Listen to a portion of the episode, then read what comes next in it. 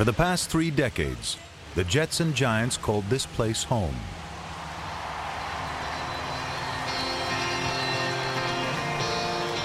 Why'd you come out to help us tear this old girl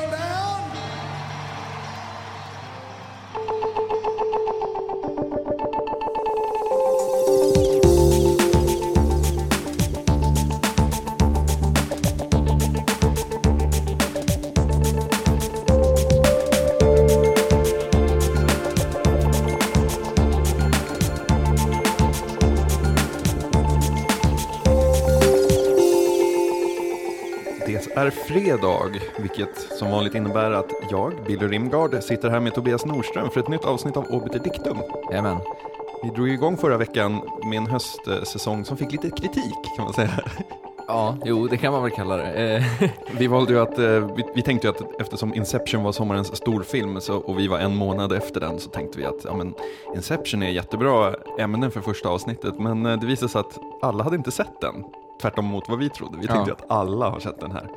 Men jag håller med lite grann, det var någon som skrev det på Facebook att så här, äh, ah, kom igen, det har gått en månad, då får, man, då får man prata om saker utan att det betraktas som spoilers liksom. Ja, lite så kanske man kan känna. Lite grann så. Men samtidigt så, så lär vi oss av det här och inser att vi kanske eh, inte ska köra säsongspremiärer av, med saker som fortfarande går på bio. Eller om vi pratar om sånt som är väldigt aktuellt vad gäller filmer, böcker eller sånt så kanske vi ska berätta om det lite tidigare. Precis. Men eh, den här veckan har vi tittat på lite andra saker faktiskt. Mm. Eh, vi, vi har börjat följa den här, vad heter det, HBO-serien Hard Knocks som då går eh, i princip varje år på, under pre-season till NFL, alltså amerikanska fotbollsligan där i USA. Eh, och den, följer då, den här serien följer då varje år ett spe specifikt lag under deras pre-season träningsläger och liksom kontraktskrivning och så vidare och liksom dramat som utspelar sig inom laget så att säga. Och du, är ju, du gillar ju amerikansk fotboll, du tittar ju på det. Ja, jag tittar på det. Eh, Medan jag egentligen inte har någon relation till det. Eh, men när jag börjar titta på det här så blir man ju lite sugen på att skaffa lite relevanta kanaler. Eh, för det är ju ett väldigt sådär närgånget eh, personligt skildrande av eh, de här lagen. Ja. Ehm, och eh, man får ju verkligen, alltså HBO-kvalitet på dokumentär och dra, dramat som utspelar sig med kontraktskrivande och sånt där. Mm. Eh, rookies som vill ta en plats i laget och drömmar som krossas och mål som ska uppnås. Mm. Vi tänkte börja prata lite om, om, om just Hard Knocks och om hur sport eh, framställs på film i USA kontra Europa. Mm. Eh, sen ska vi gå vidare och prata lite om, eh, om spökskrivare och pseudonymer. Och slutligen idag så kommer vi att prata om eh, time stretching. Utifrån Justin Bieber. Precis. Hör och häpna. Precis. Så vi, det är några puckar som är i, i luften. Eh, och med den sportmetaforen så är det väl, så är det väl lämpligt att eh, kasta oss rakt in i, i Hard Knocks. Vad, eh, vad, vad tyckte du om eh, serien? Jag har ju sett, eh, såg du faktiskt förra säsongen också, dock i efterhand, men du, du var ju helt ny. Vad- Mm. Vad tyckte du om? Det man slås av framförallt är ju ehm, att Alltså jag har ju någon slags långtgående tes tillbaka om att även fast amerikansk sport kanske inte handlar så mycket om sport utan mer underhållning och show, Mm. så är ju eh, USA extremt, extremt mycket bättre på att skildra Mm. eh, sin sport på film. Vilket jag inte bara, tror bara har att göra med att, att, det finns, att Hollywood sitter där, att de är bättre på att att- att göra film. Eller det kan man väl diskutera, men alltså bättre på att göra storslagen Ja, film. Då. Eh, utan jag tror det finns vissa grundläggande eh, skillnader i hur man närmar sig sport. Mm. Jo, det, det tror jag definitivt också. Eh, alltså Hard Knocks är ju liksom bara toppen på isberget. Alltså Mm. alla så filmatiseringar om, om olika sportgrejer har liksom väldigt centrala, eh, basala teman liksom, som alltid återkommer. Det är ju alltid liksom den här kampen, eh, en, en typisk story är liksom om underdogsen Mm. som, som så här, eh, mot förmodan gör den här stjärnsäsongen och vinner alltihop. Liksom. Det är ju också väldigt vanligt att de är vä- väldigt så här, baserade i nå- någonting som faktiskt har ägt rum. Eh, och man vill liksom fånga den här dramatiken på nytt på något sätt.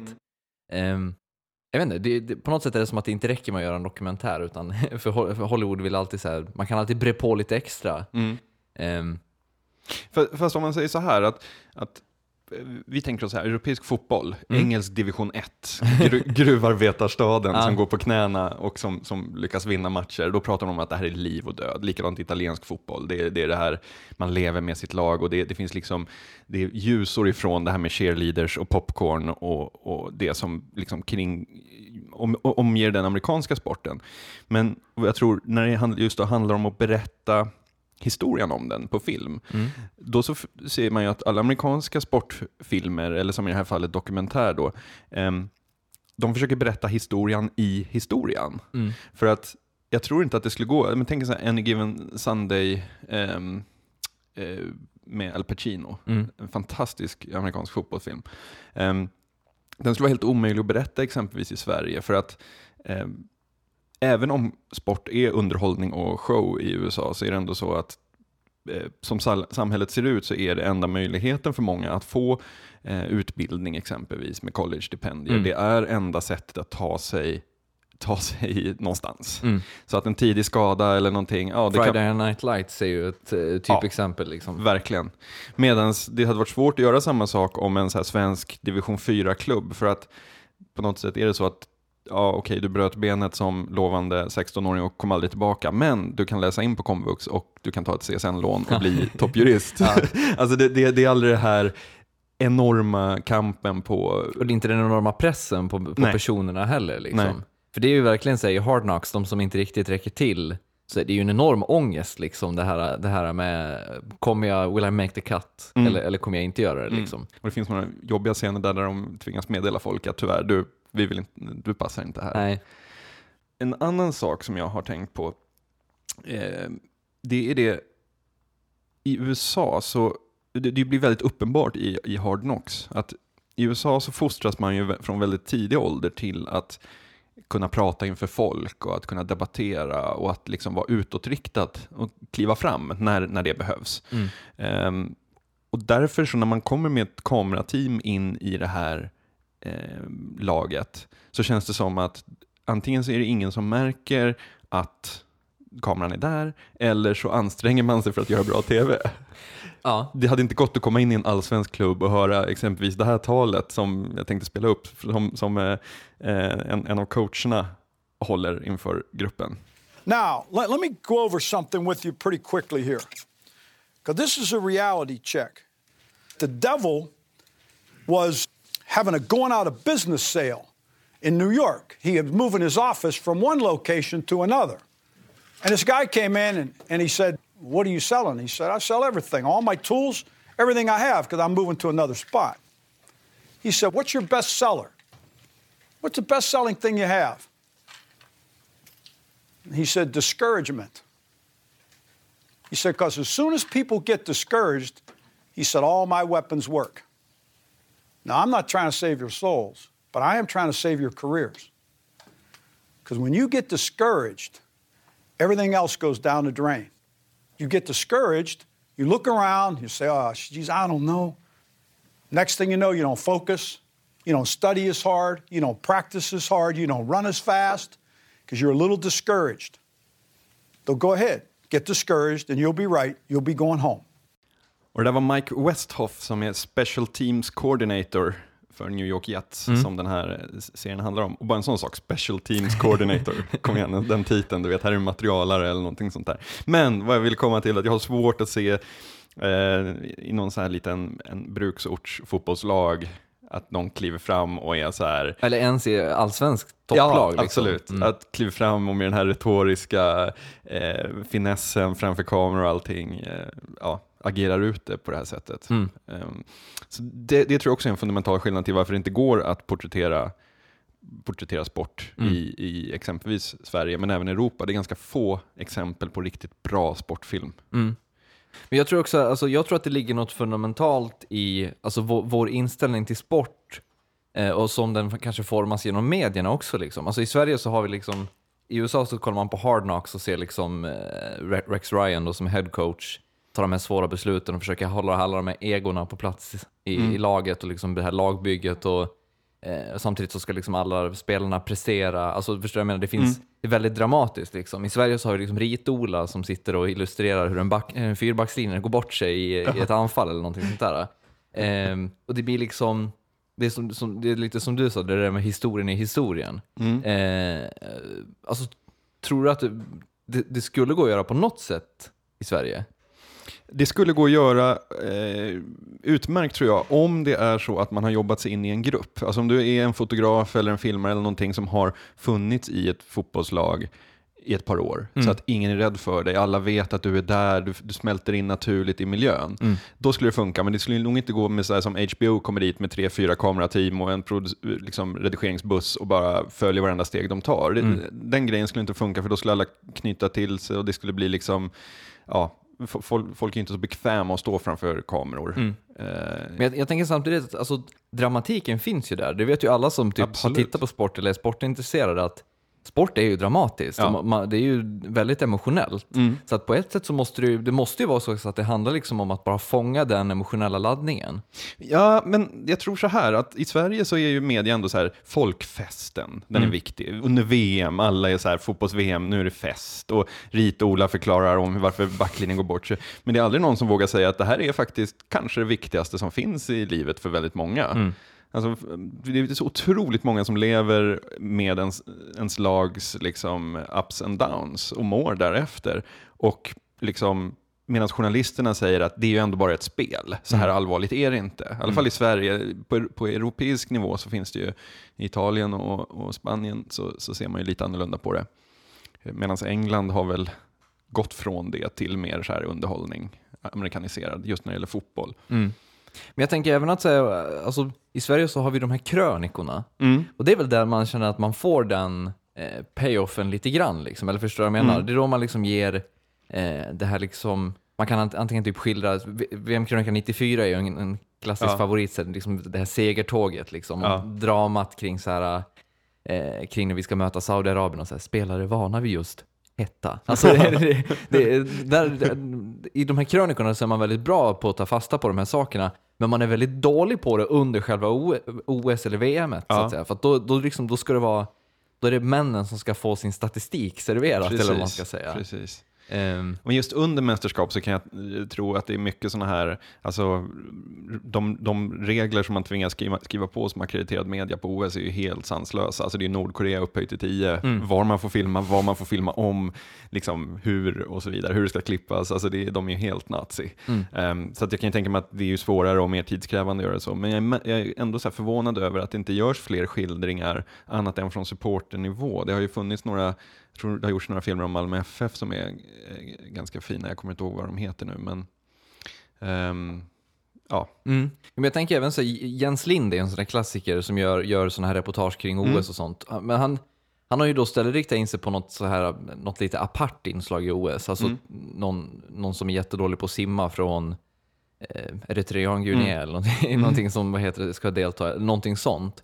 Varför inte låta han göra de här, uh, skildra någon slags kamp istället eller någonting? Mm. Alltså som efter, OS, efter förra OS tror jag det var, då var det den här tyngdlyftaren som hade förlorat sin familj, eller sin fru i, i cancer eller någonting, Mm. ett halvår innan, och sen tog han OS-guld i tyngdlyftning. Mm. Alltså varför inte bara berätta hela den historien medans OS och ge, ge det liksom den förhöjda Ja. emotionella nivån redan då? Eller förstår jag Mm. menar? Men det, det tror jag att för att man har den här synen på att sport är någon slags alltså, en, ett alternativ värld, eller alternativt universum till verkligheten. Ja. Det är någonting vi gör för, som förströelse och hobby. Det är inte verkligt. Men, för- men, för de här, men för de människorna som är elitidrottare så är det ju verkligen ingen nej. förströelse och hobby. Liksom. Nej, nej, absolut. Men just det här att folkfesten, Ja, jo. Alltså att, att, att skildra dramat inifrån ett lag och där drömmar dör och, och folk blir avpoliterade och, och så vidare. Det är inte, alltså det jämfört med att hitta någon, någon ehm, ja, socialt utslagen i en förort som kämpar för att få mat för dagen. Mm. Eh, där anses liksom den förra historien inte vara värd att berätta. Mm. Vilket jag kan tycka att den är, alltså inte på bekostnad av den senare, men, men att, att det fin absolut finns eh, berättelser som, som borde skildras. Men tycker du att det finns några, till exempel så sporter som lämpar sig bättre ur, ur liksom den här dramatiska aspekten? Ja, Det alltså, känns som att golf känns, känns svårt att göra dramatiskt. väldigt svårt. Amerikansk fotboll lämpar sig extremt bra eftersom det är, du har den här intensiva actionen och sen ett paus. Mm. Och i pausen så kan du berätta massor som filmare, därför att liksom, eh, då ska de snacka och då ska de peppa och sånt där. Och sen börjar spelet igen med massa action och sen så är det avbrott och så, det är så mycket spelavbrott. Fotboll är ju mycket svårare, för ta så här, Champions League-finalen 2005 när Liverpool låg under med 3-0 mot Milan och vände till 3-3 och sen vann på straffar. Mm. Den historien är, ju svår att berätta ur ett filmiskt. Mm. Däremot finns det en, en, en, en brittisk film som heter When Saturday Comes som handlar om en eh, eh, ja, försupen snubbe i Sheffield. Liksom. Ja. Han har välja mellan gruvan eller ja. ehm, och hur han gör succé i sitt publag och blir så scoutad av Sheffield United. Mm. Som ju dock inte är någon så här toppklubb, vilket förstärker eh, känslan. Eh, Så att, så att vanlig fotboll, att Bend it like Beckham är också en väldigt bra exempel på just det här historia i historien. Mm. Alltså hur, ja. Men sen även om man vill skilja sig människorna i, som lever med idrotten, Looking for Eric ja, är ju jättefin av, eh, av Ken Loach. just det. Eh, med, med den här mannen som också har gått ner sig ganska mycket, men som liksom Eric Cantona. Ja, Mm. precis. Han har fortfarande Man United och, och Erik, sin idol Erik Cantona i hjärnan liksom, så här, som, som hjälper honom. Eh, där är ju sport jätteviktigt. Alltså för, för, en, för en sån person. Och där hittar man ju verkligen en historia, in, en väg in i sporten som egentligen inte har med sporten att göra, så att säga. En som du säger, historia i historien. Liksom. En fråga där. Eftersom amerikansk fotboll, eller amerikansk sport överhuvudtaget, eftersom den är gjord och designad för underhållning, som show, liksom, Mm. lämpar den sig bättre att eh, porträttera på film? Ja, alltså viss amerikansk sport tror, tror jag nog. Alltså, jag tror nog att baseball och eh, amerikansk fotboll är en av de som är lättast att filmatisera, just av de anledningar du nämner. Mm. Hockey är en annan sport som är sjukt svår att filmatisera. Därför att eh, du, vill, du vill ju filma det från isen. För Mm. att om du filmar det bortom från isen, då är det ju bara som att titta på en vanlig match. Mm.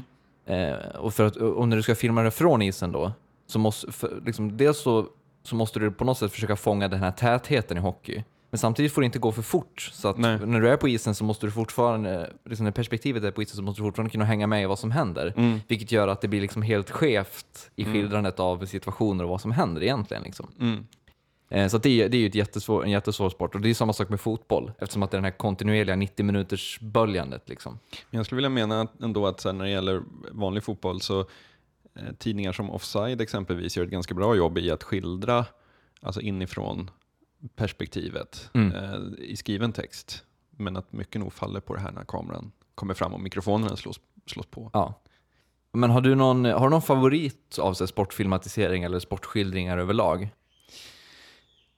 Eh, alltså Any, Any Given eh, Sunday är ju en fantastisk film liksom. Men sen är det ju, alltså jag tycker ju ett problem finns ju i att det blir väldigt mycket män i de filmerna Mm. eftersom det oftast är den manliga delen av sporten som skildras eftersom det är den som får uppmärksamhet utåt. Um, Dock kvinnlig ägare av laget i den filmen. Ja, absolut. Ehm, alltså Åshöjdens BK, den gamla tv-serien.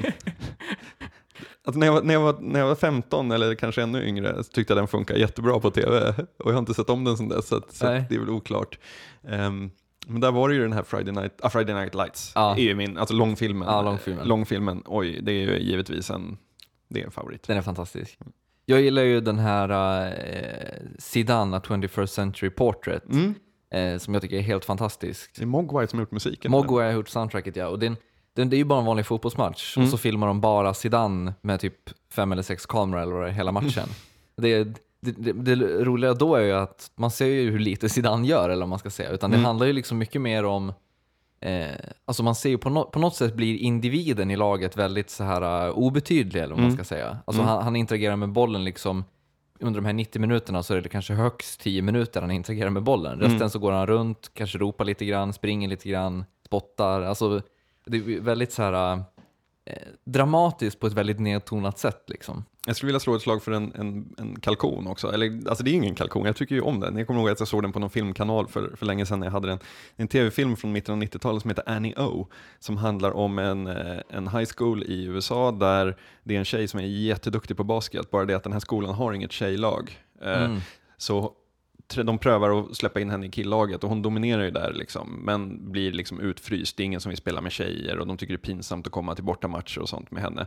Ehm, och liksom tvingar henne mer eller mindre att sluta och det är ju då som laget börjar förlora. Alltså de behöver henne för, för att vinna och nästa säsong, så, ja, när filmen slutar, så nästa säsong så finns det ett tjejlag på, på, på skolan. Då. Ehm, väldigt feel good förstås, men tar upp väldigt intressant, alltså oavsiktligen kanske, Ja. eh, tar den upp ganska många intressanta ja, aspekter av av- Kalkoner finns det alltid många. Ja. Tingkap. ja, slapshot. Ja. Slapshot, äh, nu, nu, nu, Slapshot är ju ingen, ingen kalkon. Slapshot är ju briljant just av den anledningen att den skiljer liksom hockeyn utifrån sin mest primala, vad heter det, primala aspekt. Liksom. Ja. Vi går vidare från eh, Hard Knocks till Roman Polanski. En lite otippad övergång, men eh, det är så här, vi, vi har sett eh, Ghostwriter, Mm. hans spökskrivarfilm här i eh, somras. Vi ska inte snöa in så mycket på själva handlingen, men det som var intressant med den var ju att det fanns en skön metanivå, nämligen att eh, den här spökskrivaren, porträttet av spökskrivaren slutredigerades ju via ombud av Polanski som fortfarande satt fängslad i Schweiz. Ja. Så att det var en slags spökredigering. Och i våras så hade vi den här eh, debatten om huruvida eh, författaren Stig Larsson verkligen skrev Millennium-trilogin själv eller om det var hans fru Mm. som gjorde det. Det var väldigt eh, konstig men, men rolig debatt. Märkligt. Eh, Jättemärkligt. Jag kommer ihåg, vad heter det jag tyckte var absolut roligast, det var Malte Persson som skrev ett inlägg där om att eh, man pratade om att Stig Larsson var så dålig journalist, Mm. så därför var det orimligt att han skulle skriva, kunna skriva böckerna för att han var så dålig skribent. Ja. Då skrev Malte, Malte Persson att vad konstigt, för det var precis vad jag tänkte när jag läste boken, att vilken dålig skribent. Svidande kritik. Ja. Men det här med spökskrivare och även pseudonymskrivande som man väl får sortera in i någon slags samma fack. Ja. Eh, det, det är ju lite kontroversiellt. Alltså Mm. Folk blir upprörda när det inte är eh, den som utger sig för att ha berättat en historia som har gjort det. Mm. Och det tycker jag är ganska intressant, för för mig, vä- väldigt intressant. för mig spelar det verkligen ingen roll. Du, du har ingen, inga som helst problem med det. Vad, det? Gäller det romaner bara eller all form av text? Eh, alltså kanske inte om man ska göra några så här, politiska avslöjanden och börja peka ut folk och, och liksom sådana saker. Men, men just romaner så spelar det verkligen ingen roll alls. Kan, kan Maud Olofssons sekreterare chatta med Aftonbladets läsare och utge sig för att vara Maud Olofsson? Är det oproblematiskt? Eh, det är inte oproblematiskt men jag tycker det är okej därför att de skulle ju svara samma saker. De har ju sina talking points. Ja, Egentligen så, alltså, när Maud Olofsson uttalar sig i ett pressmeddelande så är det ju ändå hennes pressekreterare som har skrivit det. Givetvis. Ehm, det, det är klart att det finns ett eh, det finns andra problem med det, alltså närheten till väljarna, det politiska eh, samtalet och så vidare. Men det är som alltså när den här eh, ryktena börjar gå om att det inte är Michael Jackson själv som dansade i filmen This is it, då kände jag också så här, men spelar det någon roll? Mm. Därför att vad det handlar om är ju att berätta en historia som ändå är en helt fiktiv historia. Mm. Alltså, artisten Michael Jackson är inte människan Michael Jackson. Precis. Ehm, så för mig, eh, om, om, om i i ett hypotetiskt eh, fall där du har en författare som är dödstrist, hon eller han är liksom så helt färglös och identitetslös. Om man då skulle koka ihop en ganska spännande bakgrund och liksom ett annat namn och sånt där för att skapa liksom ett intryck av att Eh, ja, att, för att göra boken bättre så är jag helt okej med det. Men, det, men där, där gör du någonting intressant, för du säger ju då att författaren spelar ingen roll. Men samtidigt om du kokar ihop en intressant backstory, eller menar du till karaktären i boken som du kokar ihop en intressant backstory? Alltså, det spelar ingen roll för mig om författaren är äkta eller inte. Okej. Däremot så vill jag gärna ha en så här skön... Författare? Ja, Okej, ja jo jo. men så här JT Leroy exempelvis. Eh, det är klart att hans, eller hennes var det väl, böcker eh, blev otroligt mycket bättre av den ihopkokade personligheten. Mm. Att han har varit trucker-hora som tonåring Mm, och eh, mm. hans mamma hade sålt honom till massa grejer och sånt. Och man fattar väl ganska tidigt, alltså det var ju bara de här värsta autenticitetsivrarna som jublade över att åh, men man fattar ganska tidigt att det var liksom ett copywriter-jobb. det är klart att han inte kan skriva så, Nej. alltså det är ju givet. Och så känner jag även med spökskrivare så här att om, om Göran Persson vill berätta sin historia, så är det nog bättre att någon annan än Göran Persson skriver den. Därför att Göran Persson har inte haft som yrke att skriva. Han, han vet inte hur man disponerar en text som kanske är på 700 000 tecken så att den ska bli läsbar. Men hans historia kan vara väldigt intressant. Eh, Så att det där, det ja. Alltså det, är ju, det, det, hakar, det här hakar i en, en ganska gammal eh, diskussion inom så här, litteraturvetenskap som togs vid mellan så här, vad heter det, Roland Barthes och Michel Foucault. Eh, Roland Barthes skrev på 60-talet en text som heter Författaren är död. Eh, som handlade om att, så här, om att ja, men från och med nu så är författaren irrelevant och vi måste läsa alla böcker bara utifrån böckerna. Vi kan läsa en författare utifrån författarens andra texter men vi kan absolut inte typ läsa in Eh, om författaren är jude så kan vi absolut inte läsa in det i, i boken för det har ingenting med texten att göra. Liksom. Eh, håller du med om det eller vad heter du? Ah, Vill du fortfarande, eller jag vet inte, håller du med om, om det, ah, vad ska man säga, den lilla brasklappen? Det kan jag nog göra.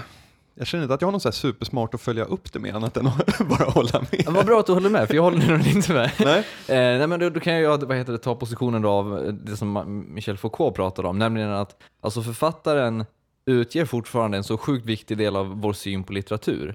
Alltså när vi läser en bok eh, så gör vi det eh, både medvetet och helt omedvetet utifrån en, någon slags uppfattning om författaren.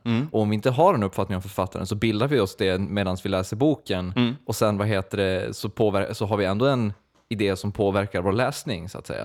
Sen om den har någon korrelation med verkligheten, det är liksom totalt irrelevant. Men när vi läser Jan Guillou så vad heter det, Jan Guillou sämre för att han är så en vidrig människa? Eller? Om du förstår vad jag menar? Jo, men det, det är jag helt med på i och för sig, att, Ja. att, att det, det, det kan bli sämre.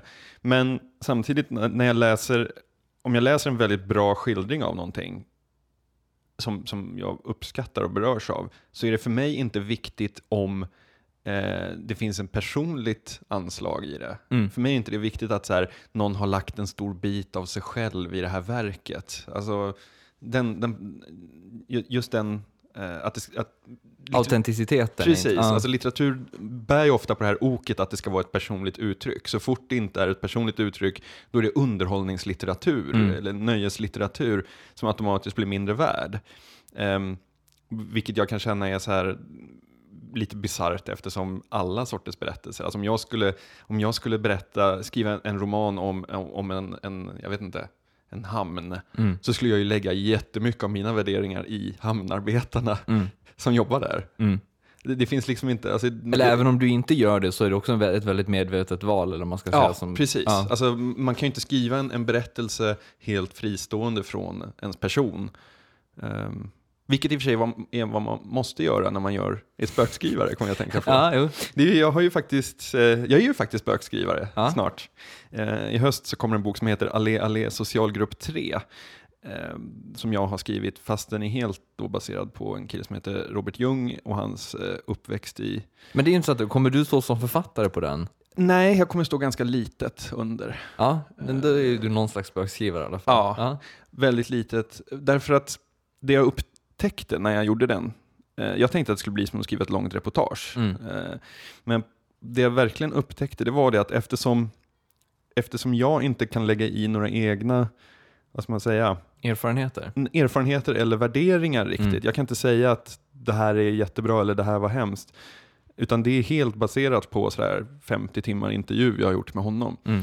Ehm, så upptäckte jag att ganska snart så distanserar man sig från texten och det var väldigt svårt att skriva en bra text framför allt. Mm. Därför att när jag inte kan lägga in egna liksom, ehm, uttryck av, eh, eh, av värderingar Mm. och värde, värdeuttryck ehm, så var det väldigt svårt att, att, vink, alltså, att, att göra det vanliga texthantverket som jag är van vid. Mm. Så där var man ju verkligen tvungen att försöka isolera sig själv, för vi har radikalt olika bakgrunder också, Mm, jag och mm. Robert. Men det var ett väldigt spännande projekt att vara med om. Men det där är väl typiskt spökskrivarens problematik, liksom, att alltså, du ska egentligen ge någon annan en röst än Mm. dig själv, så att säga. Mm. Och just den svårigheten att hur tar jag bort mig själv Mm. när det är jag som faktiskt skriver. Liksom. Mm. Eh, och det är ju liksom, det är ju också det där, alltså spökskrivaren finns ju där för att, det är ju väldigt bisarrt, men han, spökskrivaren finns ju där för att upprätthålla autenticiteten. Ja, Alltså, när han, men samtidigt så är det ju han som raserar autenticiteten eftersom att det eh, per se inte är, han, så- är inte är personen som det handlar om som skriver det. Eller Nej. förstår jag menar? Nej. Det är ofta liksom, eh, vad heter det, självbiografier och sånt som de tar in spökskrivare. Då är det ju just det att han ska göra så att, vad heter självbiografin blir Göran Perssons sanning. Men samtidigt blir det ju i sig en osanning eftersom att det inte är Göran Persson som skriver. Eller du vad jag menar? Det är, fa- Fast jag kan nog tycka, alltså jag var lite inne, ett tag var jag inne på att mitt namn inte skulle stå med. Därför att jag kände så här att, eh, alltså det är inte min historia. Det här är, alltså Robert är extremt verbal och vältalig. Och, och, så det är ju hans ord jag använder, det är hans berättelse. Men om mitt namn skulle tas bort, eh, det var en invändning eh, som fick mig att ändra uppfattning helt. Om mitt namn skulle tas bort, då skulle den inte ses som trovärdig därför att med den bakgrunden han har, det är, en väldigt lång och komplicerad, eh, jag ska inte gå in på vad, vad det handlar om, men det är väldigt, eh, väldigt trasiga förhållanden i, i Stockholms södra förorter i sl- slutet av 70-talet.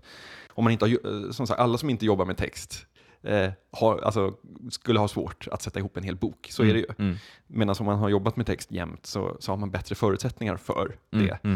Ehm, så att där tycker jag ändå just nu, även när det gäller politikers självbiografier, att med vissa få undantag där folk är väldigt duktiga på att formulera sig så blir det bättre om Mm. man skriver ut. Men det är väl, det är, det, jag tycker det är jätteintressant att diskutera. Det, det är den franska litteraturkritiken Philippe Lejeune. Han, eh, han har ju vad heter det, skrivit om det här, eh, om att det, framförallt i självbiografin finns det här kontraktet mellan så läsare och, eh, och författare. Som, och det, det han menar med det är liksom att författaren genom att skriva en självbiografi intygar att det är både han som är berättare och subjekt. Liksom. Eh, och det, det, inte, det, det där finns ju översatt även i romanvärlden, liksom. alltså, där man på något sätt ehm, där det liksom är författaren som intygar att det är han som är berättaren. Eller förstår du vad jag menar? Liksom? Det är författarens röst på något sätt som, som styr. Eh, och det, alltså, det där kommer man ju aldrig ifrån. Det är ju liksom, det är omöjligt att ha, att ha en bok utan en röst. Och, och det, men alltså, for, det finns ju en anledning, att så fort någon ger ut en bok under pseudonym så handlar liksom det mesta om så här, spekulationer, vem kan det vara? Ja. Eh, och så försöker man liksom, så här, genom språket i boken eller genom va- ämnesval eller sånt luska ut vem det skulle kunna vara. Eh, och det förstår du vad jag menar? Det finns liksom så här, man, människan vill liksom veta vad det är för röst som pratar här. Liksom. Samtidigt som liksom både du och jag följer väldigt många tv-serier där du har ett writers room med kanske 12 pers. Sen har du ett par exekutiva producenter, du har en regissör och du har en skapare. Så att du har liksom ett enormt team och du har ingen aning om Alltså okej, JJ Abrams skapade Lost, men hur mycket gjorde han på den sen? Alltså då var han iväg och filmade Mission Impossible och Star Trek. Alltså, Man kan inte säga att Lost är JJ Abrams röst. Men jag tror, det tror jag också, att det blir så i film och tv, tror jag, han- det tror jag är skådespelarnas fel. Alltså för att där, där är liksom, eh, där är det för, manusförfattarnas röst som reverberar genom de här skådespelarna. Alltså de, det är ju de som uttrycker det här manuset och därför så blir det liksom, för oss tittare, så blir det liksom de som är seriens röst snarare än författaren. Eftersom att författaren, när vi redan har någon som, som ger oss rösten så behövs inte författaren. Eller förstår du vad jag menar? Eh, Men den här, då, om jag får spela upp en, en, en, en crossboll här. Eh, när man i den här riktigt kommersiella nöjeslitteraturen, Ja. ett, begrepp som jag nu sågade men nu använder med glädje. Eh, exempelvis Tom Clancy skriver ett synopsis på tre A4 och lämnar till någon som skriver en bok och så släpps det som Tom Clancys eh, super hard cool eh, terrorist unit. Ehm, det är ju väldigt vanligt att man tar ett sånt eh, etablerat namn som skriver ihop ett synopsis och sen har man liksom den rena liksom, bruksförfattaren som Mm. knackar ihop det enligt önskemålen. Vad, vad tycker du om det? Tycker? Ja. Eh, eh, ja, det är väl, alltså, det är väl ganska tråkigt. Eh, men jag vet inte, sa- samtidigt så är det ju liksom det, det viktiga i en Tom Clancy-bok är ju samtidigt inte liksom att, att vad heter det, att, att, att Tom Clancys känslor Nej, precis. Eller förstår du vad jag menar? Alltså att, att Tom Clancy... Inre Tom, konflikter. Tom Clancy är ju liksom en författare som kan göra sin röst hörd genom tre A4 Ja. synopsis. Förstår jag menar? Det är liksom Jack Ryan, det är vad heter några gamla spioner eller vad heter någon gammal konflikt som ligger vilande och sen blossar upp. Eller förstår du vad jag menar? Mm. Det är liksom... Det, det, det är lite såhär, jag vet inte, jag hävdar alltid att Jan Guillou vill vara, vad heter det, Sveriges eh, John Le Carré, men han är egentligen Sveriges Tom Clancy liksom. Alltså Ja. förstår du vad jag menar? Ja. Det är samma sak där. Det, eh, det spelar egentligen inte så stor roll vem det är som skriver för att bara man har liksom några grundgrejer i, i storyn och i uttrycket så kan man polera off som vad som helst i princip.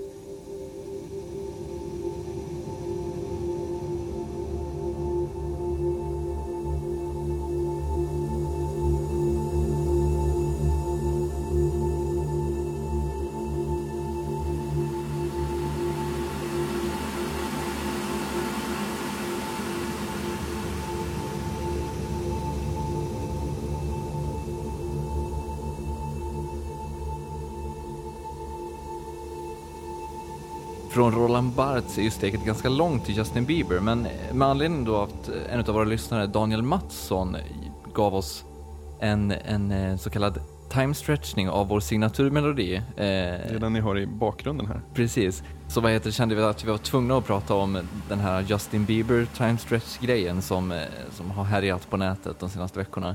För det, eh, den här time stretchen av, av vår signaturmelodi då, den, den har blivit 11 minuter lång och förvandlats till någon episk ambient pjäs Ja. som liksom bara eh, ja, sveper in och, och mördar. Ja, Eh, väldigt fascinerande. Och den här Justin Bieber-låten, när man gjorde samma sak med den så, så började det likna Sigur Ros. ja. You Smile med Justin Bieber är det, så, om, någon, om någon är ett stort Justin Bieber-fan och vill fördjupa sig. Det är den som nu spelas i bakgrunden. Ehm, och You Smile med Justin Bieber blir Sigur Ros. Hur, hur går det till?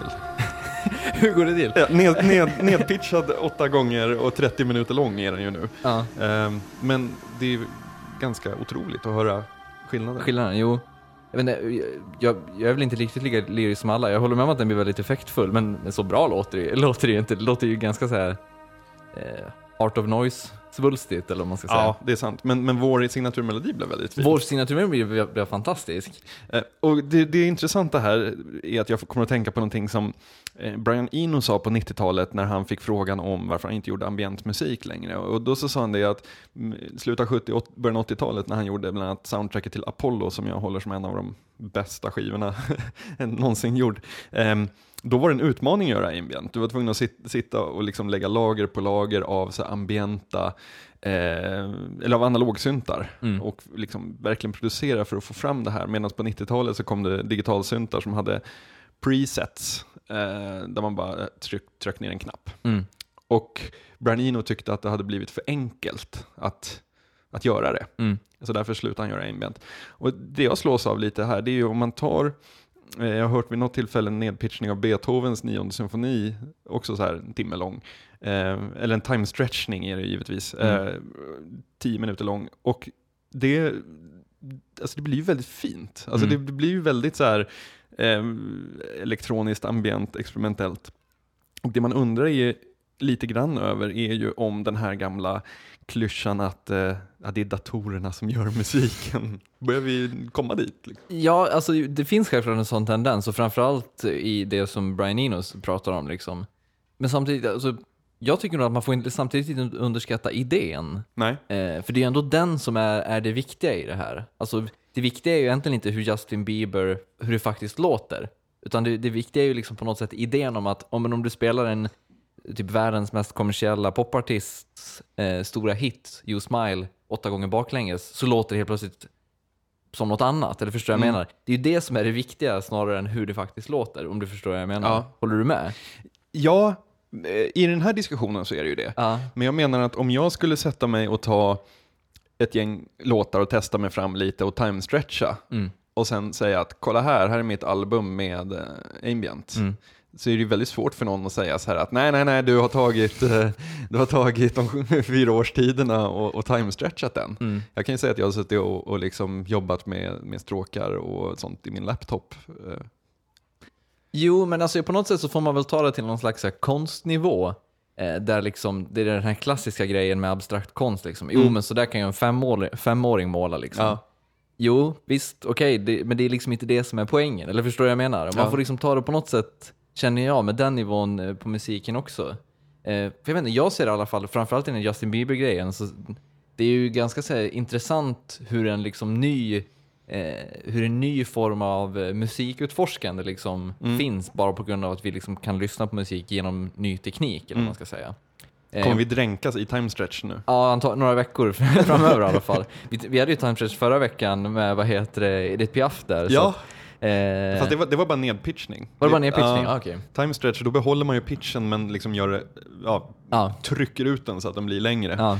Um, Edith Piaf, den var bara nedpitchad, det är då den blir sådär Ja. mörk. Eh, vi har blandat ihop lite koncept här när vi suttit och pratat, men, Ja, men vi, du ser- vi, du- vi vet vad time stretch är Du, egentligen. men, men samtidigt, du hör ju själv, det finns ju hur mycket som helst att utforska Ja. liksom. Det gör det absolut. Eh, och det, det, men det är lite det jag menar, alltså, som, som, som i Hans Zimmers fall så finns det liksom, där, där finns det ju en estetisk idé i att just, eh, du ger ju musiken en ny dimension i att ge den den här extra aspekten. Liksom. Mm. Och det tror jag liksom, eh, när folk börjar utforska alltså, annan musik på det sättet så blir det helt plötsligt ett, ett annat sätt att tänka på musik också. Liksom. Mm. Alltså musik är inte bara nödvändigtvis exakt som den låter, utan musik manipulerar det också musik fast på ett annat sätt. Liksom. Mm. Eh, Och jag kan ju tänka mig om man exempelvis eh, Tim Heckers Radio Amour som är en av mina favorit eh, knaster ambient eh, album. Mm.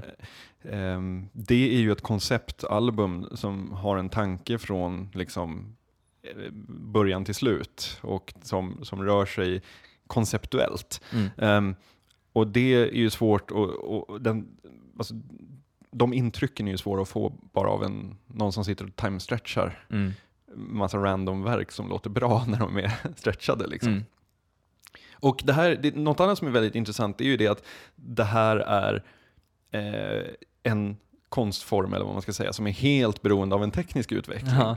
För bara fem år sedan så lät time stretchade grejer skit därför att det hackade och man verkligen kände hur ljuden var utdragna och påtvingade den här nya formen som de inte alls passade in i.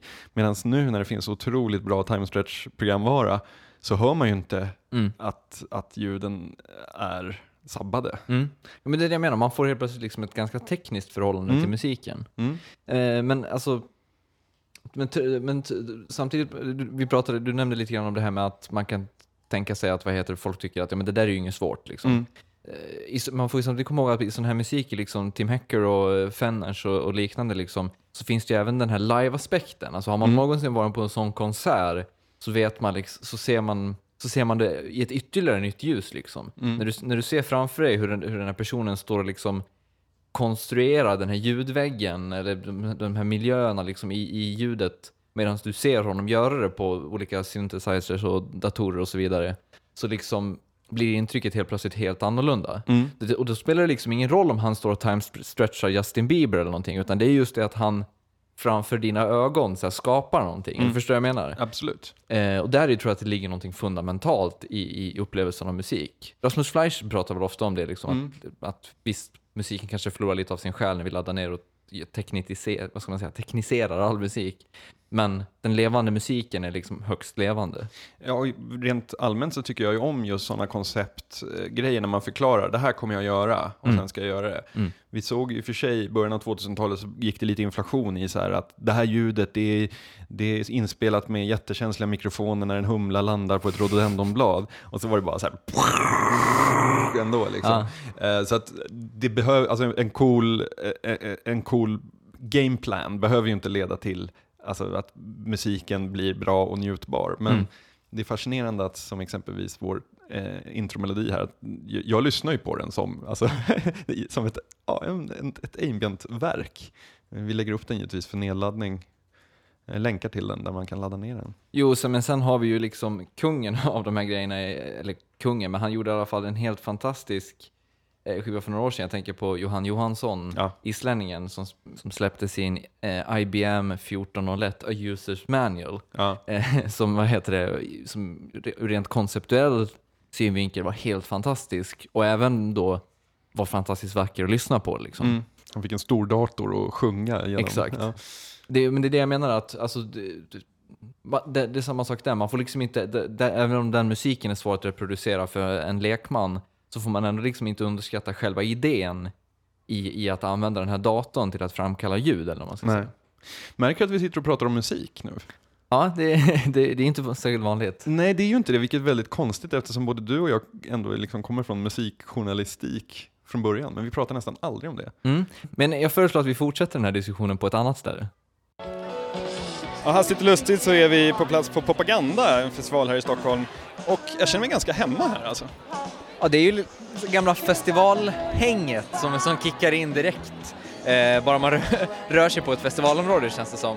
Och det är ju ändå så att vi, vi går ju på festivaler och lyssnar på väldigt mycket ny musik och pratar om väldigt mycket ny musik. Ja. Men vi är väldigt dåliga på att ta upp det i, i podcasten. Ja, men ett exempel på det var ju att Hard Knocks avsnitt 2 inleddes med en jättefin Bruce Springsteen-scen där de rev den gamla arenan och ja, vi tog inte ens upp det trots att både du och jag var helt bananas över just den scenen. Varför tror du det? Alltså, jag, jag, tror, jag tror det handlar om... Dels så tror jag det handlar om att vi, att vi faktiskt, eh, att det är det vi pysslar med eh, så mycket annars. Alltså vi skriver om musik båda två eh, ja, med jämna mellanrum och liksom regelbundet. Så att, så att det blir att man, man får liksom någon slags ut, ehm, man får utlopp för det på, på andra ställen liksom. Men, men sen tror jag framförallt att det handlar om, om att det är svårt att, pr- att prata om musik eh, på någon slags, vad ska man säga, analytisk nivå eller vad man ska säga. Vad- Men vad tror du? Ja, men jag kan känna så här också att eh, Eh, jag håller med dig om att man, ut, man tömmer ut det på liksom andra, andra arenor så att säga. Men sen ser det för mig är det också så här att ehm, när vi pratar film exempelvis, om, om Inception kommer och vi, vi ska prata om Inception som, som förra gången, eh, då blir det lite så här att vi kan prata om Inception, vi kan prata om Twin Peaks och ett par andra Christopher Nolan-filmer. Och det ger oss en ganska eh, tight, snäv referensram som gör att vi kan eh, eh, dra liknelser och göra någon slags analys. Medan om vi ska prata om musik liksom, så blir det jävligt konstigt för det släpps så sjukt mycket musik att det är svårt att dra de solklara parallellerna. Ja, jo men det, det tror, jag, tror jag också. Eh, man skulle ju kanske kunna rikta in sig på typ vissa album och sånt, men det, det, det är ju samtidigt svårt att välja, välja ut vad som skulle vara extra relevant eller vad man ska säga. Ja. Eh, men jag tror också att Alltså de gångerna vi pratar om musik så handlar det ju mer om att vi pratar om så här, koncepten kring musik. Som vi, idag pratar vi om så här, Bieber, eh, time stretch-grejen liksom. Alltså det, det, det är liksom intressantare att på något sätt diskutera fenomenet musik än musiken i sig. Eh, och det tror jag har att göra med liksom att när vi skriver om musik så är det lättare att dra sig allegorier och dra eh, paralleller till andra saker och så vidare. Och det gör sig liksom inte lika bra om man skulle diskutera Tim Hackers nya album liksom. Ja, Där är jag helt med, för jag, jag tycker ju så här att det bästa sättet att skriva om musik är ju att skriva så lite som möjligt om själva musiken. Att istället komma ihåg något skönt barndomsminne och väva in känslorna från det man hör i texten därigenom. Ja, alltså det blir lätt, jag tror att det liksom lätt hamnar i någon slags koketteri om, eh, om det här nya albumet och hur fan, fantastiskt bra det är och sen liksom, ja men varför är det bra? Jo men det är helt fantastiskt! För, för alltså förstår jag, menar, det är bara ut till liksom, en känsla. ja precis, den där känslan som kanske är lättare att fånga i skrift än, än, i, än i tal liksom. Men det är bra att vi har rätt ut det känner jag, för det, har alltid känts lite konstigt att vi aldrig pratar om det som kanske ligger oss närmast. Ja, och det, det som vi kanske är, om vi har någon form av fame, så ligger den väl i, i vår- våra roller som musikjournalister liksom. Och någon form av expertis, i alla fall i mitt fall. Du har i alla fall pluggat film.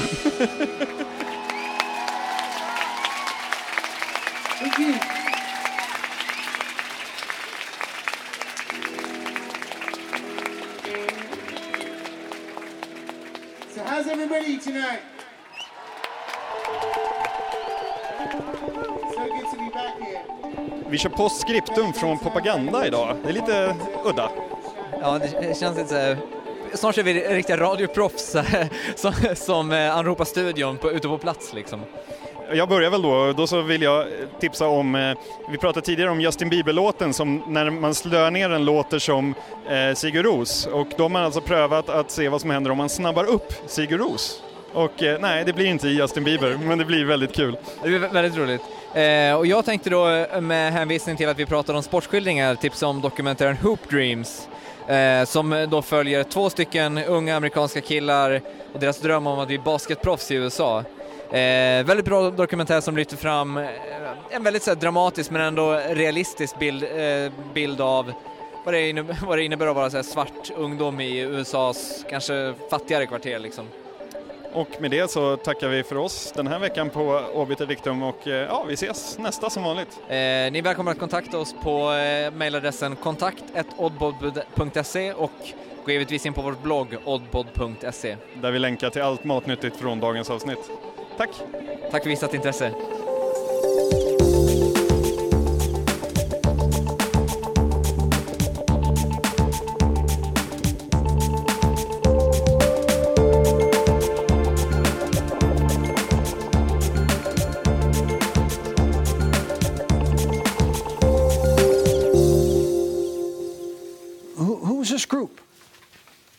I, I've been reading the paper. I mean, you know, the defense just has to line up. The offense, they got a freaking all star team. Who's this group? What do we got here? I don't know. We got questions. Who are we? Well, we'll find out.